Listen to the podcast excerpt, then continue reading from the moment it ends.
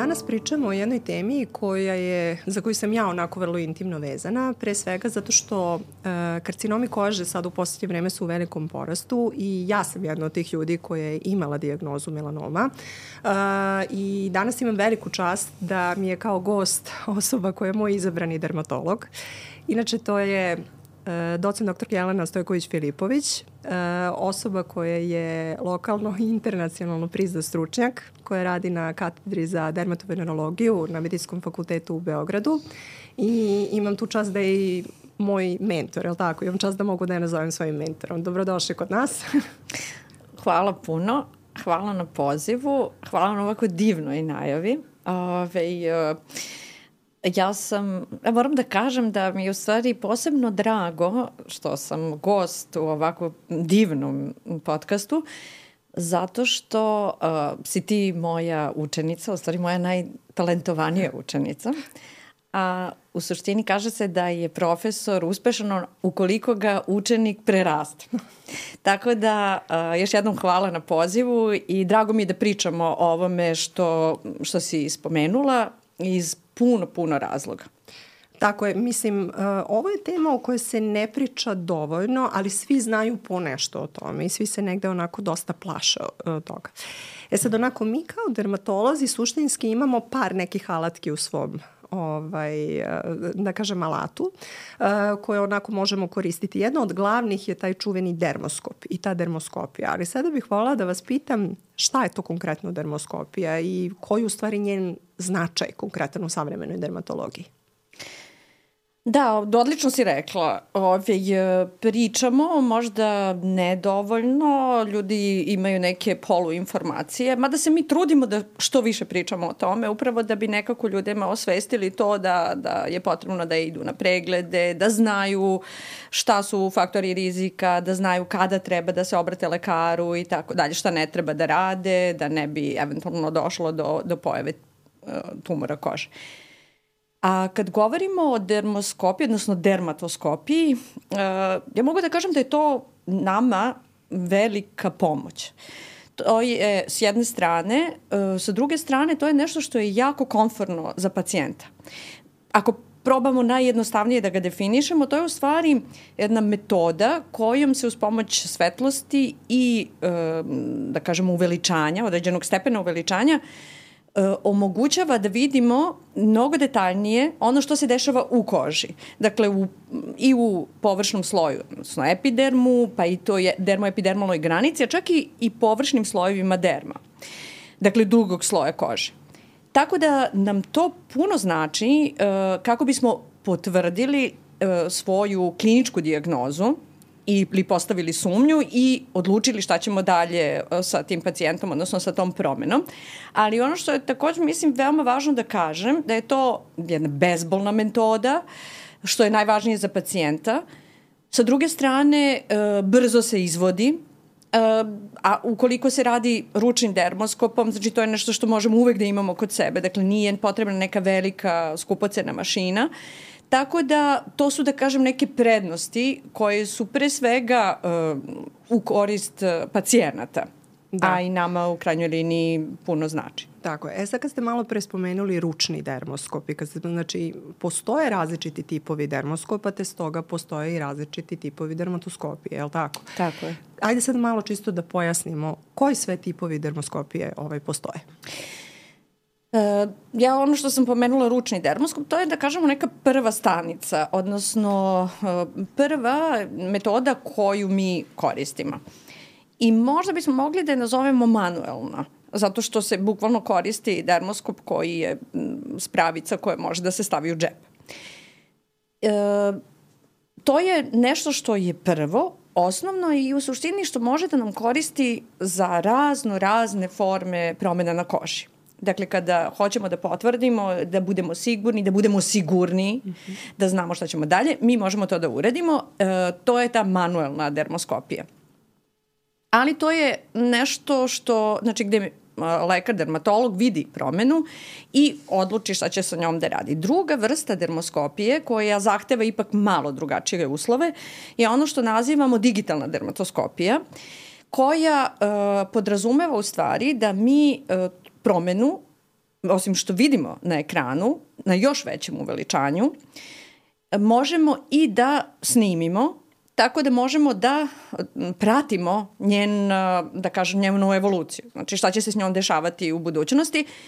I sa druge strane e, možemo da napravimo ono što se naziva, sad da prevo, prevodim sa engleskog, e, to je kao e, fotografisanje čitavog tela, gde mi u stvari možemo da takođe upoređujemo i te fotografije, odnosno da, da vidimo da li su se pojavile nove promene, odnosno da li su se postojeće promene uh, promenile. Tako je i to je u suštini najveća korist kod pacijenata koji su kao ja, koji imaju puno mladeža, koji imaju zaista puno promene koje zahtevaju, da kažem, to neko praćenje. E sada kad smo rekli to možemo pratiti evoluciju nekih promene i tako dalje, ajde sad čisto onako da, da, da približimo ko sve treba da radi dermoskopiju i u stvari koliko često treba raditi dermatoskopiju? Uh, ovako, ono što sam rekla na početku vezano za manualnu dermoskopiju, znači to može da radi svako i tu možemo da gledamo bilo šta, bilo koju vrstu promene. A e, što se tiče ove digitalne dermoskopije, i to, to je fotografisanje čitavog tela, odnosno mapiranje promena, tu su, e, da tako kažem, postoje indikacije i one su nekako sužene. Mislim da napravim jednu digresiju uh, i da se vratim na ono što si spomenula na samom početku. Uh, a to je da u stvari hoćeš da pričaš o, o onome što si prošla i, i dijagnoze koje si imala, što mislim da je jako pohvalno i mislim da može da nekako, da kažem, uh, ljude ohrabri da jedno, da razgovaraju o tome, da, da nekako imaju saznanja i da se ne stide bilo čega vezano za bilo koju vrstu bolesti i problema. Dakle, da se vratim na, na tu digitalnu dermatoskopiju. Šta tu, ko su to ljudi koji su nama, ono kako se kaže, target uh, deo populacije? To su pre svega ljudi koji su imali melanom, Uh, ali uh, i pacijenti koji imaju puno mladeža, dakle preko 50 mladeža se otprilike računa kao neka granica arbitrarna, uh, Sa druge strane, ljudi koji uh, imaju uh, pacijent, odnosno rođake koji su bili pacijenti koji su imali melanom, dakle porodična pojava, ili pacijenti koji imaju preko pet, ono što se naziva displastičnih nevoza, dakle nevoz, odnosno mladeža, uh, promene koje i pokazuju neku morfološku promenu uh, ili su dokazani kao displastični, dakle nisu melanom, ali su ćelije počele da se menjaju. E, zatim, to su pacijenti koji imaju tu familijarnu pojavu, znači ne samo uglavnom prvog srodnika koji ima melanom, nego ukoliko postoji više e, osoba u familiji koje su imali melanom, taj familijarne forme melanoma u stvari se vezuju za određene genske greške i mutacije i u tim porodicama ima ne samo melanoma, već i drugih kancera, posebno uh, kancera pankreasa. Mm -hmm. I kod tih osoba se čak i radi i savetuje uh, genetsko testiranje. Osim toga, populacija koju mi nekako, mm, da kažem, um, ohrabrujemo da dođe na digitalnu dermoskopiju i redovno praćenje su i ljudi recimo koji su, imaju transplantirane organe, koji su na imunosupresivnoj terapiji. Uh, zatim e, e, pacijenti koji su imali neželjene događaje, da tako kažem, u smislu da su goreli na suncu ili da su dugo vremena provodili na suncu, pa čak i trudnice mogu da, ove, ukoliko su, recimo, prethodno imala melanom, eto, to bi bila neka, da kažemo, opšta... Ciljna grupa. Da, da. grupe. Grupe. Da, grupe, da, da, da. Ove, ali suštinski, u stvari, svi trebaju, mogu uraditi. Ali šta je ono, ajde sada malo digresija, ove, na ono, ali suštinski, kada pričamo o pacijentima o tom nekom samopregledu, koji, da kažem, svi mi negde u nekom trenutku možemo uraditi. Da li postoje neke stvari na koje pacijent tačno treba da obrati pažnju i u tom trenutku da se baš momentalno javi uh, svom dermatologu? Divno što si to pitala. Mislim da je to jako važno ljudima da objasnimo, kao i da je uh, važno da im objasnimo ko je kandidat za digitalnu termoskopiju. Uh, što se tiče toga, ko treba da ide na dermoskopiju, možemo da kažemo svi treba da idu na dermoskopiju, ali um, da to budu rutinski pregledi, recimo jednu godišnje. I radi se o manualnoj uh, dermatoskopiji. Dakle, kao što savetujemo redovne preglede ginekologa, kao što recimo ženama savetujemo pregled dojke jednom godišnje i tako dalje, tako savetujemo ljudima ovi, i jednom godišnje dermatoskopski pregled, ali manualnim dermoskopom. Što se tiče toga kada neko treba da se obrati sam lekaru, tu postoje neki scenari, recimo, mladež koji se promenio. I tu sad ja pretpostavljam da ljudi i znaju, uh, pošto dosta je to pamtljiva stvar, ono A, B, C, D, E pravilo, dakle promena koja se menja u puno e, segmenata različitih, dakle, da je asimetrična, da su ivice drugačije, da je izmenjena boja, da brzo napreduje u rastu, da se pojavljuje neko krvarenje koje s vremena na vreme ovaj, se ponavlja.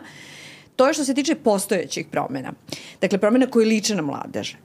Takođe, novo nastale promene koje su tu nekoliko nedelja ili ne znam, možda mesec, dva dana, koje takođe brzo rastu, imaju neka krvarenja, menjaju se. Takođe to je, da kažem, znak za uzbunu, odnosno za odlazak kod dermatologa i e, proveru te promene. Uh, I to bi možda bile dve, da kažem, najvažnije stvari uh, vezano za to kada neko treba samo inicije da, ono, da se javi. Ali ovo što si spomenula, mislim, moram da se nadovežem, je takođe jako važno objasniti ljudima šta znači samo pregled. Dakle, uh, to razume, mi, mi uglavnom objasnimo pacijentima da treba da s vremena na vreme obrate pažnju šta, mislim, pregledaju i one delove kože koji ne mogu da vide tako jednostavno, recimo leđa, ne znam, zadnja strana vrata, donji deo nogu, zadnja strana nogu i tako dalje. I uh, čak pacijentima koji imaju veći broj uh, mladeža koji ne mogu da budu sigurni da li je nešto novo, čak savjetujemo da naprave svoje fotografije i da onda eventualno upoređuju ako im se učini da je promena nova. Da, da. I to je u stvari jako korisno. Jako korisno, da. Da, i tu je u stvari mnogo velika pomoć ova digitalna derm dermatoskopija koju ste spomenuli kada se radi mapiranje celog tela i tako dalje. E sada, ono što da kažem, ajde, sad smo spomenuli dermatoskopija i sad nekako sve vreme pričamo o mladežu i tu negde najčešće pričamo o karcinomima kože pa o tom melanomu, je li tako? Uh, ajde sada malo da pričamo o tome šta je to melanom i zašto je on u stvari toliko strašan. Ovi, pa mi, mislim, bez obzira na to što dermatoskopija, kao što sam već spomenula, može da se koristi za bilo koju vrstu promena. Znači i tumore, ali i netumorske promene, i pigmentne promene i nepigmentne promene i infekcije i zapaljenske bolesti. Znači ona može da nam bude pomoć u svakom od tih segmenta, ali nekako kad kažemo dermatoskopija, nekako kao da je ovaj sinonim za melanom.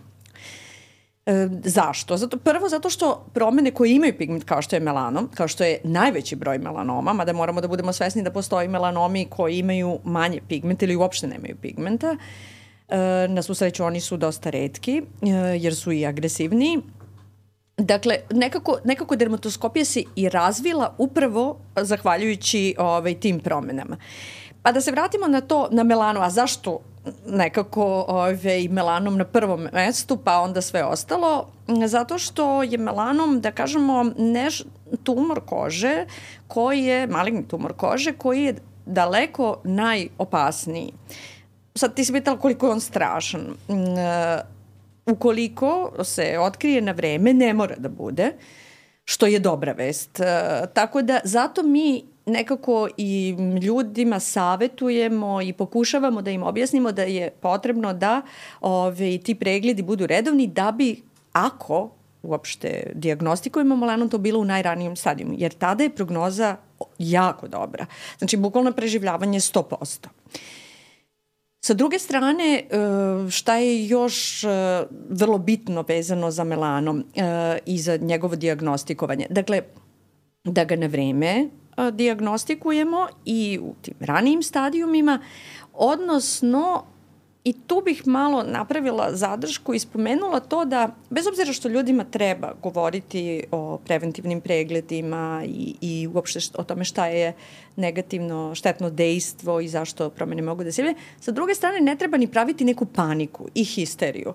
U, u smislu da, da sad ljudi budu prestravljeni od svake tačkica koju vide na, na svojoj koži, ne znam, naprave ranicu sami, pa, pa onako, da kažem, bukvalno prestravljeno dolaze da, da, da se pregledaju. U svakom slučaju tu, tu treba naći meru, to treba naći meru, ali opet možda i bolje da pregledamo više promena koje nisu opasne, nego da uh, propustimo nešto što je potencijalno uh, veoma, da kažem, Pa i životno ugrožavajuće. Pa da, da, mislim, ja sam htela da iskoristim što blaži izraz, ali zapravo, mislim, melanom spada u tumor kože koji je zaslužen za najveći broj uh, smrtnih slučajeva od uh, tumora kože, što je kožnih bolesti. Da, i ovaj, suštinski on jeste čest i u stvari sa svim ovim nekim savremenim diagno, diagnostičkim metodama mi u suštini češće se i postavlja diagnoza, ali sreća u nesreći je što se ovaj postavlja što ranije.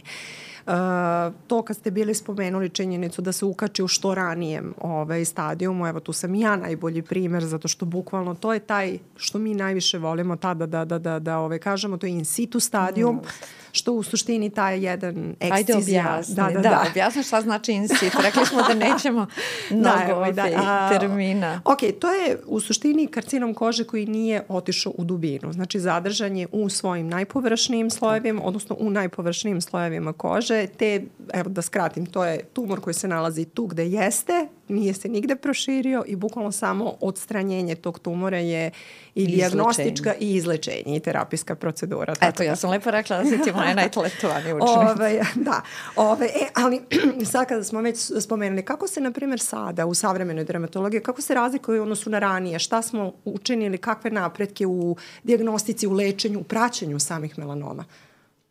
Uh, pa moram da kažem da, bez obzira što se melanom jako puno istražuje i, i radi na tome da se um, unapredi i diagnostika i lečenje, uh, za sada još uvek stojimo na onome što je um, od uvek ovaj, ustanovljeno. A, a to je da je osnovna, um, da kažemo, način diagnostikovanja melanoma uh, klinički pregled, dermoskopski pregled i onda histopatološka potvrda. Šta to znači? To znači da, uh, znači mi kada, kada uradimo eksciziju, znači ako nam je neka promjena, promjena sumnjiva, mi je ovaj, uh, odstranimo hiruški i pošaljemo kod patologa. Patolog je taj koji nam je od veoma, veoma velikog značaja, zato što on uh, tim svojim pregledom proceni i koja je to vrsta melanoma, pošto melanoma ima nekoliko kliničkih formi koje imaju različito ponašanje, e, i koja je forma, i koliko je duboko, ono što si ovaj, ti lepo objasnila, dakle, da li je probito u bazalnu membranu, da li je se nalazi samo u najpovršnijim slojima kože, ako ne, koliko duboko je, ovaj, da kažem, otišao, odnosno koliko je urast, da prosto tako kažem, u kožu, što se meri u milimetrima, što nam je jako važno, onda da proceni te neke karakteristike tumora koje utiču kasnije, mi to zovemo mitoze, znam, ulceracije, tako. E, znači, ali uh, ukratko i jednostavno rečeno, govori nam o potencijalu tog melanoma, dakle, da li je on manje ili više agresivan. I na osnovu toga uh, mi možemo da, da napravimo, to je prvi korak, da tako kažem, i najvažniji u takozvanoj TNM klasifikaciji. Zato što da bismo odredili stadijum tumora, mi moramo da, znači, da odredimo ove njegove karakteristike na samom početku, odnosno histološke karakteristike, pa onda da vidimo da li se on proširio u, kako to kažemo, regionalne limfne noduse, odnosno da li postoje udaljene metastaze. Dakle, i na osnovu toga se u stvari m, procenjuje u kom je stadijumu ovaj, diagnostikovan melanom. Na osnovu toga se procenjuje šta dalje sa pacijentom. tako da je to najvažnija stvar. Sad, kada si me pitala šta postoji novije, mislim, nije to baš toliko novo, već nekoliko desetina godina unazad, ali to je nešto što zovemo imunohistohemijska metoda, imunohistohemijske metode. Dakle, one su nešto što pomaže uh, patologu, Znači, on ne, ne radi samo morfološki pregled uh, pod mikroskopom, nego radi ta bojanja od, sa određenim, uh, da kažem, markerima, koji prvo služe da, za to da kažu da li je to melanocit ili nije, ili uh, govori u prilog upravo toga što sam spomenula. Dakle, kakav je taj potencijal tumora da se dalje uh, razmnožava i širi. Tako je. I u stvari na kontu toga se određuje, kao što ste rekli, šta dalje sa pacijentom, odnosno koje terapeutske metode trebaju da se... Ovaj... Ne, mislim, mislim, ja ne bih da preteram u ove, ali samo ću da kažem, kad govorimo o novim stvarima, mislim, postoje, da kažemo, novije da, istraživanje u smislu da se određi ta neka genetska mapa, znači da se vidi koji su to geni mutirali sam tumoru pa u skladu sa tim i da se pretpostavi šta će sa njim da se desi dalje. Drugo, ima isto nekih novih istraživanja u smislu da se u uzorku krvi uh, proceni da li postoje tumorske ćelije, u kojoj meri postoje, odnosno da se izoluje njihova DNK i RNK pa da se i na osnovu toga proceni šta dalje, kako će se tumor ponašati. Tako je. A što se tiče tih nekih terapeutskih, da kažem, ovaj, e, procedura, generalno tu je postavljanje diagnoze i hiroško uklanjanje promene, zlatni standard i to je svaki početak, je li tako? tako? Ali šta, na primjer, kod pacijenata koji imaju, da kažem, malo uznapredovaniji da ne kažem, u, dosta uznapredovaniji ovaj, melanom, kakav je protokol sa takvim pacijentima? Uh, opet ću se vratiti na to stadijum tumora. I tu isto ne bih mnogo širila priču da ljudi ne bi opet nekako donosili sami zaključke. Stadijum tumora znači, mora da odredi lekar na osnovu onih e, parametara koje sam već spomenula. Ukoliko se recimo desi da je pacijent došao um, u kasnijem stadijumu, mada opet lepa vest da skoro 90% tumora Eh, odnosno melanoma se diagnostikuje u tom početnom prvom stadijumu, što je sjajno. I, a loša vest je, na primer, što ipak u Evropi recimo, eh, procenat tih, eh, da kažemo, otkrivenih tumora u ranijem stadijumu je veći nego u istočnim zemljama, tako da zato treba da nekako ohrabrujemo ljude da, da ovaj, vode računa, da se samo pregledaju, da dolaze na preglede. Uh, Ali da se vratim na to uh, o čemu smo pričali. Dakle, ako se ustanovi da je stadijum malo, da kažem, lošiji ili mnogo lošiji, a to podrazumeva da, je, da su tumorske ćelije već metastazirale u regionalni limfni nodus ili u druge visceralne organe tipa pluća, mozak. Onda uh, postoji mogućnost, uh, da kažem, farmakološke terapije. Dakle, onda nije dovoljno samo odstraniti tumor, već pridodajemo terapiju koja je Eh, koji su medikamenti. I od negde 2011. godine, da kažem, desila revolucionarna stvar, a to je da su se pojavili uh, agenci koji uh, nisu ono klasična hemioterapija, već su to, da kažemo, novije, uh, novije, novije metode, odnosno substance koje su vrlo specifične. U kom smislu? Da recimo deluju na inhibiciju, odnosno, kako bih to rekla, da, da, da suprimiraju uh, određeni odgovor koji je, ćelijski odgovor koji je um, posledica mutacije na genu ili da na neki način pospešuju imunološki sistem tako što će ćelije koje se zovu limfociti da uh, stimulišu da one budu aktivnije kako bi se one branile protiv tumora. I to je ono što nazivamo znači target terapija uh mhm. -huh. i e, drugo ovo što se zove imunološka terapija, onako opšte poznato. Samo ona može biti opet različita u zavisnosti od toga na koji konkretno ovaj receptor na na ćeliji deluje, ali mislim da nije neophodno da ulazimo u detalje. Da, u suštini to je u domenu onkologa i zaista Tako samo je. ono što bih želela da naglasim da čak i u tim situacijama postoji ovaj ovaj način Protokol. za pomoć pacijentima i postoje protokoli za lečenje, to je onako nešto. Međutim, ajde sada nešto što onako je, da kažem, malo interesantno nama kao dermatolozima, a to je da trenutno u svetu se dešava jedna interesantna stvar, a to je razvoj te neke vakcine protiv melanoma. E, šta je možete da nam kažete, na primjer, onako ukratko vezano za to?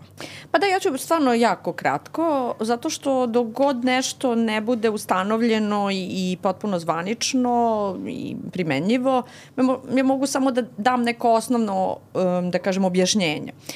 A opet se objašnjenje tiče onoga što se dešava na genskom nivou i onoga što se dešava sa ćelijama uh, imunog sistema koje uh, reaguju sa tumorom, odnosno da kažem uslovno brane nas od tumora. Uh, a to je da se, uh, mislim, pokušaj je da se zapravo uh, kod osoba koje imaju melanom ubaci ta RNK sa, sa genima koji će služiti za odbranu od imunološkog sistema, odnosno, mislim, odbranu od tumora, uh -huh. a, mhm. odnosno m, aktivaciju imunološkog sistema, odnosno uh, E, da se to kombinuje sa ovom imunološkom terapijom koju sam spomenula. Tako da, da se praktično omoguće organizam, sve je to terapija koja u suštini treba da stimuliše naše, e, naše odbrambene sposobnosti da se oslobodimo od tumora, odnosno da, da nekako ove, ga savlada da. organizam. Dobra vest u svemu tome što i dalje postoje veliki proboj onako i dalje se, da kažem, dosta naprede u samoj terapiji i u diagnostici samih melanoma. Pa da, znači od, ako je to od recimo, ne znam, eto 2011. za vrlo kratak period su pronađene stvari koje mislim, i produžavaju život uh, pacijentima i utiču na ono što kažemo kvalitet života, a to je da i to, uh, znači, ne znam, iako je bolest metastazirala, proširila se, oni, uh, ovaj, to se nekako zaustavi i onda oni mogu da funkcionišu i da, da nekako budu, da kažem, funkcionalni, da, da nemaju te tegobe koje bi inače imali i naravno da im se život produži u tom smislu. Odlično. E sad, pričali smo sada o lečenju potencijalnog melanoma, ali ajde da ono čime mi najviše volimo da se bavimo, to je prevencija. Sad bih volila malo da popričamo o prevenciji i o nekim strategijama za prevenciju nastanka melanoma. Ove, ovaj, šta bi negde bilo onako neke ključne poruke koje bismo voljeli da prenesemo ljudima? Da, prevencija je uvek nešto na čemu mi insistiramo zato što je najbolja stvar da, da se bilo koja bolest ne razvije ili ako već se razvije da se nekako ovaj, ustanovi u, u svom najranijem stadijumu kada najviše može da se pomogne pacijentu. E sad, kad, je, kad govorimo o melanomu i uopšte o tumorima kože, um, glavna stvar koja je, da kažem, prevencije je u stvari uh, ne, da kažem, racionalno izlaganje uh, suncu. Dakle, uh, Zašto? Zato što je definitivno potvrđeno da e, ultravioletno zračenje jeste kancerogen i da dovodi upravo do onih mutacija koje sam spomenula na početku i omogući ćeliji da se e, izmeni i da počne da e, funkcioniše neuobičajeno i to je u stvari kancer. Posebno i UVB i UVA imaju svoje načine kako i na kom mestu menjaju tu našu ovaj, DNK, odnosno naše gene, kako ovaj, posle do, ih nateraju, na, da, da kažem, da, se, da mutiraju, da se izmene i to je onda početak kraja, da, da tako kažem. Tako da, ono što je uvek glavna stvar i mislim puno i kampanja i, i ove, i, da kažem razno raznih načina da informišemo ljude, odnosno da ih nekako upozorimo da ne treba da se izlažu uh, uh, sunčevom zračenju u periodu uh, kada je, znači godine, dakle proleće i leto, uh, E, posebno ne u periodu kada je sunčevo zračenje najjače, a to je, ne znam, od 10 recimo do 5-6 popodne, mm, da kada odu na, na more, to, to ne znači da ljudi ne treba i ne, e. ne smeju da idu na more. Tako je, da, da, da. Zato što često ljudi pomisle suprotno. Tako je. Ne, nego, nego more ne znači... Uh, kako da kažem, to uh, odlazak na plažu, boravak na plaži celog dana, E, izložen na suncu bez ikakve zaštite zarad dobijanja nekog tamnijeg tena. Mislim, postoji, eto da kažem, uslovno zabluda da ako imaš tamniji ten, ti si u stvari zdraviji. Mislim, činjenica je da sunčevo zračenje nam mm, je na neki način prijatelj, odnosno dobro, pomažući nam da se sintetiše vitamin D koji je neophodan, to je u redu. Ali nije potrebno da provedeš 6 do 8 sati na najjačem suncu, da, da izgoriš, da bi imao benefite od sunčevog zračenja. Tako da to je možda nešto najvažnije. I ono što bih rekla, ovaj, što se, evo, ti ćeš potvrditi i tvoja praksa je već dovoljno duga. I kad kažemo ljudima, pa ne znam, vidi se na, vašem, na vašoj koži znaci oštećenja od sunca, uglavnom većina kaže, ali ja se ne sunčam. Dobro to je zato što ljudi uopšte nekako, ne da kažem nisu svesni toga, ali ne razmišljaju o tome da boravak na suncu recimo, ne znam, i uh, promene, na, odnosno delovi kože koji su stalno izloženi suncu, kao što su lice, vrat, predeo dekoltea, uh, podlaktice i šake, uh, treba da budu zaštićeni. Jer sta, ta akumulacija, znači skupljanje neželjenih efekata dugogodišnjeg izlaganja sunca u stvari dovede do ovih promena koje na ćelijskom nivou koje onda kasnije mogu da se ispolje kao u formi ove, izmenjenih ćelija, odnosno kancera, ali i drugih neželjenih efekata na kožu. Tako je. Mislim, suštinski to je ono što kažemo tu koža pamti, ali nekako ko, na našem području nekako ljudi su svesni činjenice da možda trebaju da koriste kremu sa zaštitnim faktorom samo kada odlaze na more. To je pa ono što mi da. najviše volimo da pričamo i mm, ovde da. je sunce, tako da i tu je neophodna zaštita. Ali ajde sad onako, ide jedno onako malo interesantno pitanje. Koji je vaš stav o solarijumima? Pa, mm, mislim, ja mogu da dam stav o solarijuma kao, kao dermatolog, da. ali kao ovi, običan da. građan.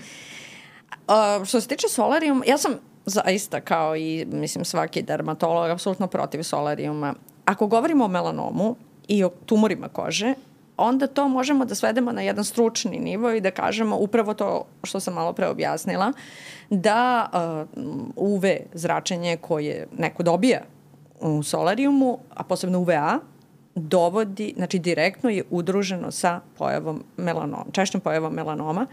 Tako da ljudi koji su uh, čak, mislim, rađene su istraživanja, odnosno studije na, na osobama koje su dobijale, pošto u dermatologiji postoji fototerapija kao, kao protokol za lečenje određenih bolesti, da čak i, e, recimo, kod ljudi koji su morali da budu na fototerapiji, postoji određeni procenat, e, veći procenat e, pojave melanoma. Tako da u svakom slučaju solarium nikako, on je i uvršćen u praktično kancerogen, uh, prema ove, protokolima uh, i da kažem opštim nekim dogovorima. Tako da to je jedna stvar, a sa druge strane mislim ja, ja mislim ja sam protiv, apsolutno protiv solarijuma jer uh, prvo ta koža koja se stalno izraže fotoradijaciji je zapravo uh, na kraju mnogo lošijeg i kvaliteta i teksture, postoje i brojne druge nepravilnosti koje solarijum može da, da dopri, kome solarijum može da doprinese, odnosno stalno izlaganje u vezacima, tako da definitivno solarijum nikako. E, odlično. Znači, onako negde da sumiramo, štitite se od sunca i ovaj, negde ti dermoskopski pregledi kao neki, da kažem, opšti sistematski pregled jednom. Da, ali kad, on, malo pre si spomenula um, kreme, antisolarne kreme za zaštitu od sunca, ali ne samo to. Garderoba uh, koja je prilagođena je sasvim uh, legitimna zaštita i možda i jednostavnija. Uh, Tako da to je nešto što ovaj, svakako treba ljudima objasniti i posavetovati. Naravno, kreme za, antisolarne kreme za zone koje ne mogu da budu pokrivene i da, tokom čitave godine, ne samo na moru.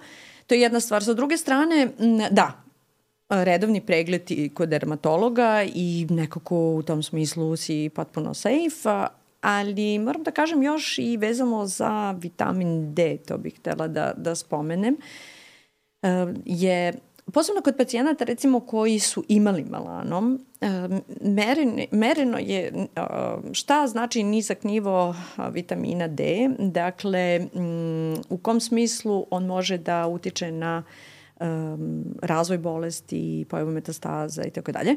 Pa je utvrđeno recimo da nizak vit, nivo vitamina D ne utiče na to koliko će se brzo kod nekoga javiti metastaze, ali nizak vitami, nivo vitamina D može, uh, jeste u sprezi sa onim koliko će brzo, ukoliko je se bolest proširi, odnosno tumor metastazira, koliko brzo, odnosno kako, da će imati, ti ljudi imaju lošiju prognozu. Mm -hmm. Mislim, zašto je to važno? Zato što i pacijentima koji su imali melanom, mislim, treba uh, da objasnimo da isto nije zabranjeno da oni ikada više izađu na sunce, da oni ikada više odu na more ili tako, ali da je potrebno da se štite u smislu da posebno, posebno uh, koža koja izgori na suncu, posebno koža koja izgori na suncu u mladosti, Znači, te osobe imaju rizik, mnogo veći rizik za, za pojavu melanoma. Tako i to je u stvari ono pitanje koje mi najčešće postavljamo pacijentima da li ste goreli u detinstvu na suncu i to je u stvari to. Jer i hronično izlaganje i akumulacija, ono što si ti rekla koža pamti, je jedna stvar, a, a i to ono što mi kažemo intermitentno, odnosno povremeno izlaganje velikim dozama, kao što recimo kad odemo na more, da. isto su važne stvari. I mislim da ne širim više priču, ali moram da kažem da, da čak i melanomi koji se nalaze na koži koja je izložena suncu se na neki način razlikuju uh, i histološki i po prognozi uh, u odnosu na one koji se nalaze na zonama koje nisu direktno izložene suncu kao što su, ne znam, uh, akrosi, odnosno ove, uh, dlanovi tabani. Dlanovi tabani, tako je mukoze, znači jer melano može da se javi i na sluznicama. Uh, dakle, odnosno, ne znam, drugačiju prognozu ima melanom koji će se javiti na glavi i vratu ili na trupu, nogama i tako dalje i, i njihov, čak taj genetski potpis, kako se to kaže, bude drugačiji. Tako da definitivno ove, možemo puno da učinimo ukoliko se lišimo toj potencijalnog rizika kao što je UV zračenje. E, mislim da smo sada malo ljudima približili o tome šta je dermoskopija, da to nije ništa strašno. Ne, I, ovaj, potpuno je bezbolno, da. vrlo, je, vrlo je, da kažem, krat, pregled kratko traje. Vrlo je komforno, da, pa ništa jest. ne boli, vrlo je lagano i to je to, možete sami sebi dosta pomoći. Kako da ovaj, tako da eto, to je negde onako, da kažem, jedna zaokružena priča. Uh, vama hvala puno što ste bili gost u ovoj emisiji i nadam se da ćete biti gost u nekoj emisiji opet za neku drugu temu. Hvala, ja se još jednom od srca zahvaljujem. Mnogo mi je drago da o ovome pričam sa tobom ovako javno. Ja se samo nadam da nismo previše ove, to nekako stručno o, objasnili. Nekako trudile smo se i ti ja da, da to pojednostavimo tako da ljudi mogu vrlo jednostavno da shvate o čemu se radi. Hvala puno.